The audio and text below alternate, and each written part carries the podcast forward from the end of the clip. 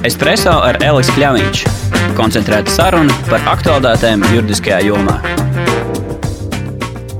Es esmu zvērnāta advokāta Anita Dimitrovska, praktizēju zvērnāta advokātu birojā Eliks Kļāviņš. Labdien! Šodien mēs eh, raidierakstā turpinam runāt par ilgspējas jautājumu visai plašo, ko mēs jau iepriekšējā reizē iesākām.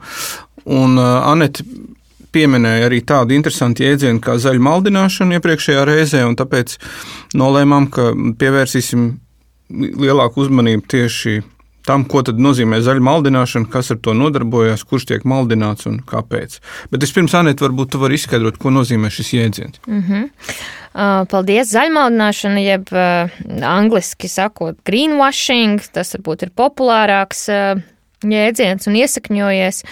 Vairāk pēc būtības tie ir manipulatīvi, nepatiesi apgalvojumi saistībā ar uzņēmumu korporatīvās pārvaldības sociālo un vidas prasību izpildi, un tas mērķis ir negodīgas konkurences rezultātā iegūt uzticību un radīt iespēju par uzņēmumu ilgspējīgu komercpraksi. Vienotas definīcijas šobrīd nav. Iespējams, ka ar jaunajām Eiropas Savienības direktīvām direktīvā mēs pagūsim ieraudzīt arī tādu universālu definīcija. Šobrīd mēs varam uh, atsauksmes atrast uh, taksonomijas uh, uh, regulā. Nu, faktiski mēs runājam par to, ka tad faktiski tas pamatā ir runa par uzņēmumu mārketingu. Nu, tātad pati zaļākā avio kompānija pasaulē, man ir vidēji draudzīgākais krēms pasaulē, man ir bez nekādiem kaitīgiem produktiem visvidēji draudzīgākais nezinu, dzēriens pasaulē un tam līdzīgi. Kam apgalvojam tad mārketinga kaut kādas augļi, kuriem nav nekāda seguma. Mm -hmm. nu, tie ir varbūt ne tikai mārketinga, bet vienkārši uzņēmumu lietotās iekšējās prakses. Nu, visticamāk, lielākoties tas ir mārketinga nolūkos, lai veicinātu vai uzlabotu kaut kādā veidā to savu konkurētspēju klientu acīs un eh, tās būtiskākās zaļmaldināšanas pazīmes, pēc kurām vadīties, tad pirmkārt tie ir jā, plaši izmantojami industrijas apzīmējumi, dabai draudzīgs, tikai dabīgas sastāvdaļas, un šie ir Latvijā, manuprāt, paši populārākie lietoties lozungi. Tāpat arī pārlieku un nekonkrēti apzīmējumi vai zinātniski termini, kur lietojums ir nepamatots, simtprocentīgi pārstrādājams vai nu tam līdzīgi termini maldinoša grafiskā informācija, kalni, koki, daba, visu nokrāsot uh, zaļā veidā vai nu, jebkāda cita veida vizualizācijas, kas netiešā veidā var norādīt uz to, ka uzņēmumam uh, rūp šie vidas un ilgspējas jautājumi.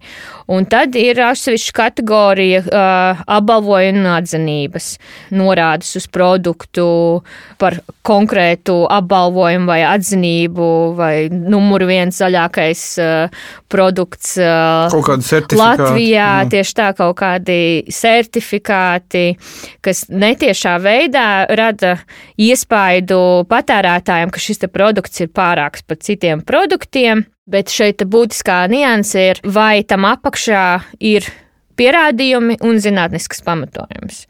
Ja tas tā ir, tad, protams, problēmas nav nekādas. Ja tas tā nav, tad mēs jau varam sākt aizdomāties par to, kādas mums par to varētu būt sekas tālāk. Ja mēs runājam par Eiropu, vai ir kaut kādi konkrēti piemēri, es nezinu, varbūt tiesvedības pat, kur šī zaļa maldināšana ir bijusi nu, kā iemesls, lai vērstos pret uzņēmumu? Jā, piemēri ir ļoti daudz, un arī, kā mēs redzam, jo izglītotāka kļūst sabiedrība šajos jautājumos, jo lielākai izpētai patērētājs pievēršas. Tāpat arī patērētāju interešu grupas, kas varbūt Latvijā nav tāds pārāk izplatīts tirgus pašregulēšanās mehānisms, bet citās Eiropas valstīs tas ir ļoti aktuāli. Piemēram, Adidas ir Francijā saukt pie atbildības par zaļmaldināšanu, eh, jo vienam attiecīgajam kurpju modelim eh, Adidas norādīja, ka 50% ir otrreizēji pārstrādājams.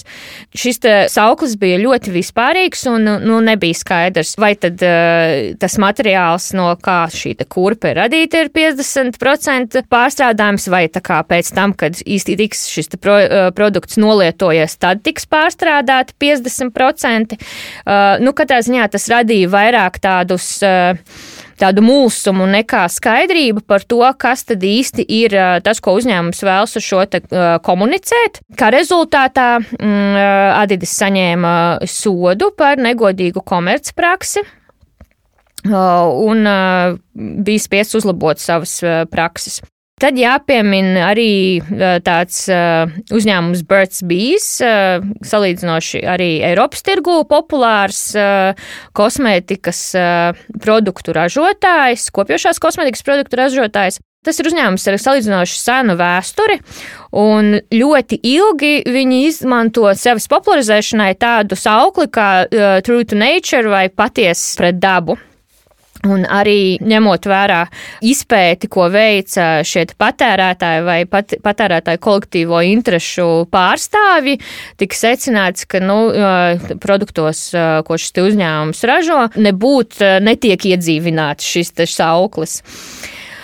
Tad, eh, protams, arī visi lielie fast eh, fashion, jeb ātrās modes industrijas pārstāvji, tā skaitā, piemēram, Primark un eh, pilnīgi visi pārējie ir nonākuši plašākos vai šaurākos skandālos saistībā gan ar savām, savām reklāmas praksēm, gan mēģinot kaut kādā veidā tikt ārā no tā apļa, kurā viņi paši sevi ir iepinuši attiecībā uz kaut kādām ilgtspējas vai klimata klimatam labvēlīgākām praksēm. Bet šie piemēri, ko tu piemini, un droši vien ir vēl citi, te mēs nerunājam tikai par skandāliem un reputācijas riskiem, bet te ir reāla tiesvedības, droši vien kaut kādi sodi, vai ne? Jā, tieši tā. Eiropas Savienība ļoti uh, ir pievērsusies tam, lai tas sauklis, kad mums ir uh, nulle tolerance pret zaļmaldināšanu Eiropas Savienības līmenī, tiktu iedzīvināts arī realitātē. Arī šobrīd mums jau ir pieejami mehānismi, tā skaitā atbildības mehānismi, lai sauktu pie atbildības par zaļmaldināšanu, un arī tieši šie mehānismi ir tie, kas Eiropas Savienības līmenī plaši tiek izmantoti attiecībā uz pārkāpumiem. Un uh, par ko ir jāuztraucās?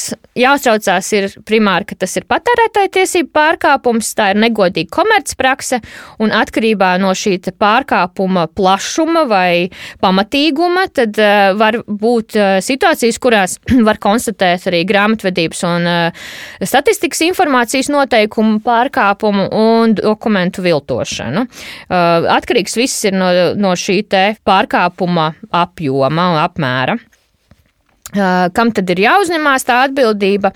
Primāri tas ir uzņēmums, kā juridiska persona, kurai ir administratīvā atbildība. Tajā pašā laikā arī pārvaldes institūcija atbildība šeit ir jāņem vērā, proti valdei var iestāties atbildība, ja nav ieviesti atbilstoši mehānismi, lai novērstu situācijas, kurās šāda zaļmaldināšana notiek vai varētu notikt. Ja mēs eh, šobrīd runājam par eh, konkrētām sankcijām, kas šobrīd varētu tikt piemērojamas uzņēmumiem attiecībā uz negodīgas komercprakses pārkāpumiem. Attiecībā uz sankciju uh, mehānismiem marta sākumā uh, Latvijā stājās spēkā grozījumi uh, attiecībā uz komercpraks, negodīgai komercpraksai piemērojamām sankcijām, un tie būs administratīvai sodi līdz 300 tūkstošiem eiro ievērojami tiek palielināts iepriekšējais slieksnis. Un, ja šis pārkāpums ir plašāka mēroga, ja ir konstatējama kaut, kāda, kaut kādas pārobežu pārkāpuma pazīmes vai uzņēmums darbojas vairāk, vairākās jurisdikcijās, tad var tikt piemērots sots līdz pat 0,4% no apgrozījuma. Kas jāņem vērā, ka 22. martā šajā gadā Eiropas komisija izziņoja jau iepriekš, teikt, nolīkoto piedāvājumu jaunai direktīvai, kas saucās angļu valodā Green Claims Directive, nu, latviskojot, varētu mēs viņu nosaukt par zaļo prasību direktīvu, kas tiešā veidā regulēs jautājumus un sankcijas attiecībā uz šo zaļmaldināšanu, pastiprinās prasības, kas attiecās uz uzņēmējiem.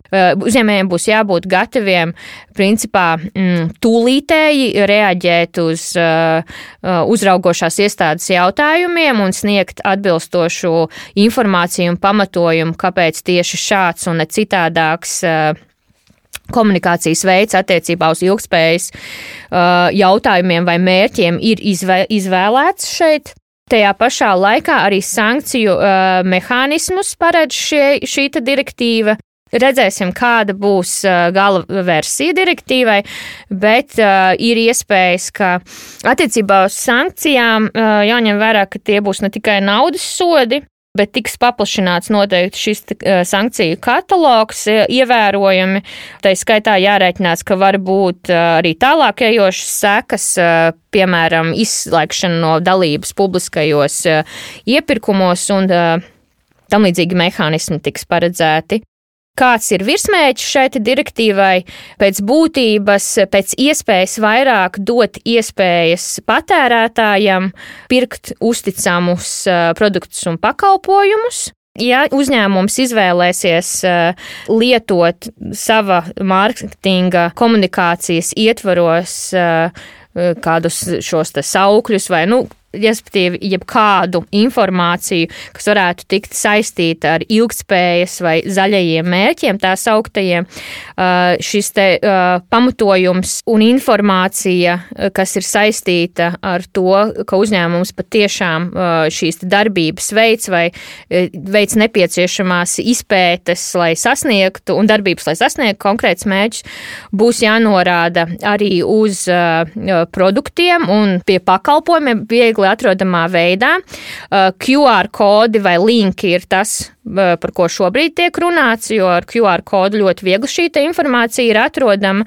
Pēc būtības mēs uh, tiecamies uz regulējumu, kas pēc iespējas vieglākā veidā ļauj jebkuram patērētājam pārbaudīt to.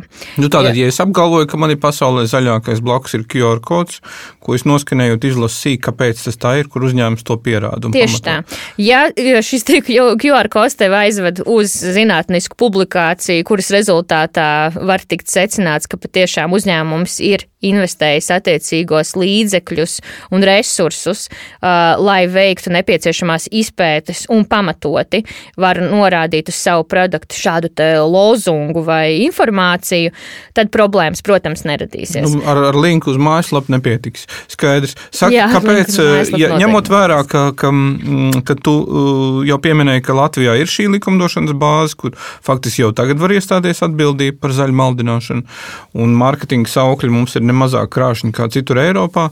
Kā tev šķiet, kāpēc Latvijā nav šādu prāvu, nav šādu diskusiju bijis par to, ka kāds varbūt izmanto. Primāri, jā, tas ir jautājums par to, cik sabiedrība ir informēta, ka tā ir tiesības un iespējas vērst uzmanību uz uzņēmuma praksēm, kas varbūt neatbilst šīm te mm, pamatnostādnēm vai minimālajiem minimālajām prasībām. Pēdējā laikā gan es esmu novērojis, ka jau Twitteris, kā teikt, mūsu pasaules centrs, ka jau ir tiek saukti uz paklāja vairāk uzņēmumi, ka par iespējamām zaļmaldināšanas pazīmēm.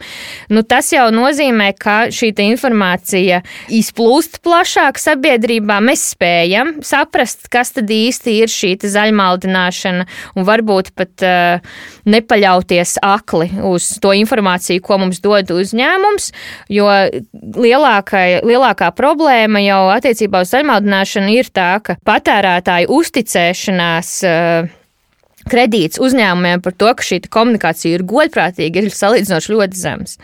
Uh, Eiropas Savienības līmenī. Līdz ar to mēs cenšamies šo situāciju uzlabot, jo, jo tas nav normāli, ka atbilstoši vairākām Eiropas Savienības izpētes uh, aptaujām ap 70% norāžu, kas ir saistītas ar kaut kādiem klimata jautājumiem, izrādās nepamatotas vai nav balstītas pētniecībā vai datos, kas atbilst realitātei vai arī arī nu, netiek teiksim, piedāvātas. Uh, nu, tie ir vienkārši saukļi bez saguma. Jā, tieši tā. Tie ir vienkārši saukļi bez saguma. Un līdz ar to tad, mēs virzamies uz to, lai varam izveidot tiesisko sistēmu un valsti, kur arī patērētājs var godprātīgi paļauties uz to informāciju, ko sniedz uzņēmums. Tas pietiekuši vieglā veidā var atrast pamatojumu tam, kāpēc šāds te komunikācijas veids ir izvēlēts marketinga stratēģijas ietvaros. Nu, un, līdz ar to arī uzlabosies kopējā, kā teikt, zaļā sirdsapziņa sabiedrības, un, un cerams, ka arī, kā teikt, tiks izskausti jebkādi mēģinājumi vai nu šobrīd ļoti dziļi iesakņojusies prakse izmantot šos te zaļos saukļus mārketinga darbībās. Saki, no tā patērētāja puses skatoties, kas varbūt būtu tās galvenās pazīmes, kas liecina, ka varētu būt zaļmaldināšanas gadījums. Nu, droši vien tie ir kaut kādi ļoti vispārināti, tādi izplūduši apgalvojumi. Kas vēl varbūt ir tās galvenās pazīmes? Jā, ja mēs skatāmies jau uz tādām galvenajām pazīmēm, ir lielākoties primāri ir jāskatās uz komunikācijas veidu. Protams, var norādīt arī vispārīgas frāzes, bet tās ir ļoti riskantas, jo visticamāk pamatot šos te ar attiecīgajiem datiem, pētījumiem būs ļoti grūti. Tad ļoti izplatīta prakse ir norādīt mārketinga kampaņas ietvaros kādus ar klimata vai vidi saistītus mērķus, ko uzņēmums eh, taisās sasniegt. Eh, arī šis ir jautājums, kas ir vērtējams tādā plašākā kontekstā, jo ir nepieciešams noskaidrot, arī uzņēmumam ir jāievieš eh, veidi, kā to var pārbaudīt patērētājs ka tiek novirzīti attiecīgi gan cilvēku, gan finanšu resursi, lai uzņēmums reāli varētu šos mērķus sasniegt. Protams, iespējams, ka arī nobi, novirzot nepieciešamos resursus, šo mērķi nebūs iespējams reāli sasniegt, un tas arī ir kritiski jāvērtē. Vai tie uzstādītie mērķi nav pārāk ambiciozi, nav pārāk augstu un nesasniedzami. Tajā pašā laikā, ja šī, šāda situācija ir izveidojusies, ko varētu ieteikt uzņēmumiem, ir veidot šo tāds atskaites sistēmu, progresa sistēmu. Ja, teiksim, tu apņemies desmit gadu laikā izdarīt uh, trīs lietas, tad uh, pēc kaut kāda zināma laika posma jāveic atskaites, kā teikt, uh, punkti un jāinformē arī, nu, patērētājs par to, kādā veidā tad, uh, cenšas uzņēmums uh, uzlabot šo izvirzīto mērķu sasniegšanu. Uh, jo nav jau problēma kļūdīties, ir problēma tajā, ja šo kļūdu ignorē uh, un par to nerunā un cenšas paslēpt kaut kādā veidā. Nu jā, un tā, mēs jau iepriekš runājām par šiem apbalvojumiem un atzī, uh, atzinībām un marķējumiem. Eiropas Savienībā ir uh, virs diviem simtiem šo te ekomarķējumu, tā saukto. Nu, attiecībā uz šiem marķējumiem arī jaunā direktīva paredz ieviest mehānismus, kas nodrošinās to, ka Eiropas Savienībā tiek izveidots uh, mehānisms, kur tiek sistematizēti caurspīdīgi pēc vienotiem standartiem uh, pastāvoši marķējumi, kurus lietot ir salīdzinoši droši. Tas ir viens, jo šobrīd eh, šajā te marķējuma sistēmā patiešām valda ievērojams hauss. Eh, ir uzņēmumi, kas izveido pat paši savu kaut kādu atzinību vai marķējumu logo un eh, pieliek saviem produktiem. Līdz ar to, ar to jābūt ļoti uzmanīgiem.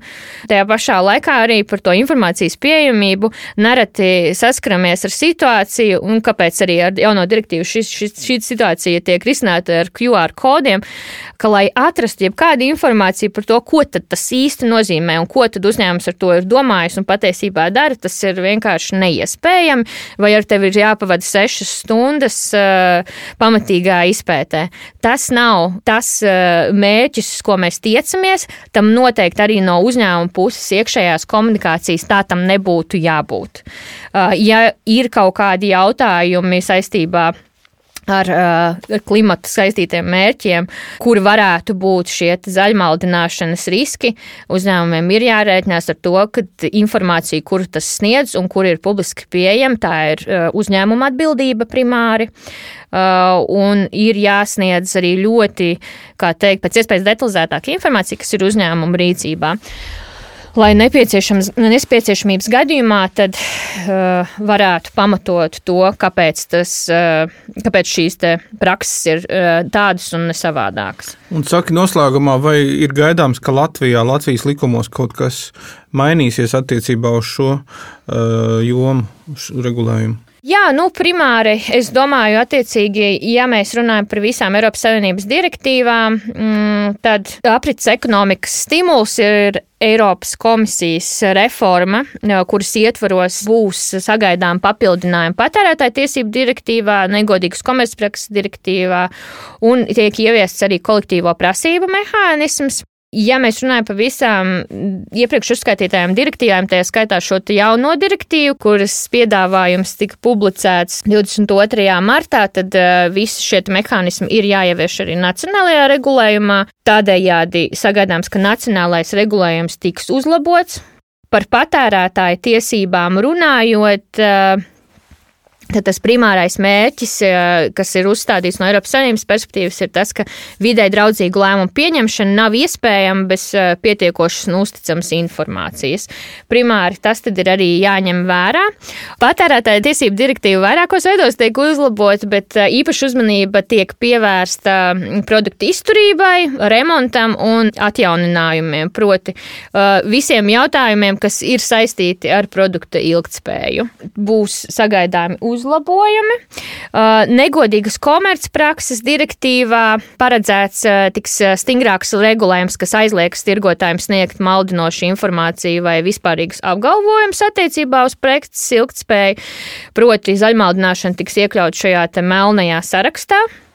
Eh, paies laiks, līdz eh, jaunā direktīva tiks pieņemta un uh, izies visu ilgo ceļu, tajā skaitā tiks apspriesta no dažādu nacionālo sistēmu puses. Mm, bet uh, šie te mehānismi principā jau eksistēs paralēli, uh, lai tāpatās sauktu pie atbildības par zaļmaldināšanas pārkāpumiem. Ar to tā nav tālu nākotne, tā šobrīd jau ir realitāte tas, cik ļoti aktīvi arī Latvijā mēs uh, skatīsimies uz šiem jautājumiem, sauksim pie atbildības uzņēmumus, tas ir atkarīgs no uh, uzraugošajām institūcijām un arī no sabiedrības uh, iesaistas un uh, sabiedriskās domas attīstības, jo uh, lielākais virzītājs uh, zaļmaldināšanas pārkāpumu izskaušanā ir sabiedrības uh, iniciatīva un atbildība. Jo, principā, jo skaļāk mēs bļausim, jo lielāku uzmanību šiem jautājumiem eh, mēs eh, pievērsīsim, jo atbildīgāk uzņēmumi izturēsies pret saviem pienākumiem, kas attiecās uz eh, komunikāciju saistībā ar ilgspējas jautājumiem.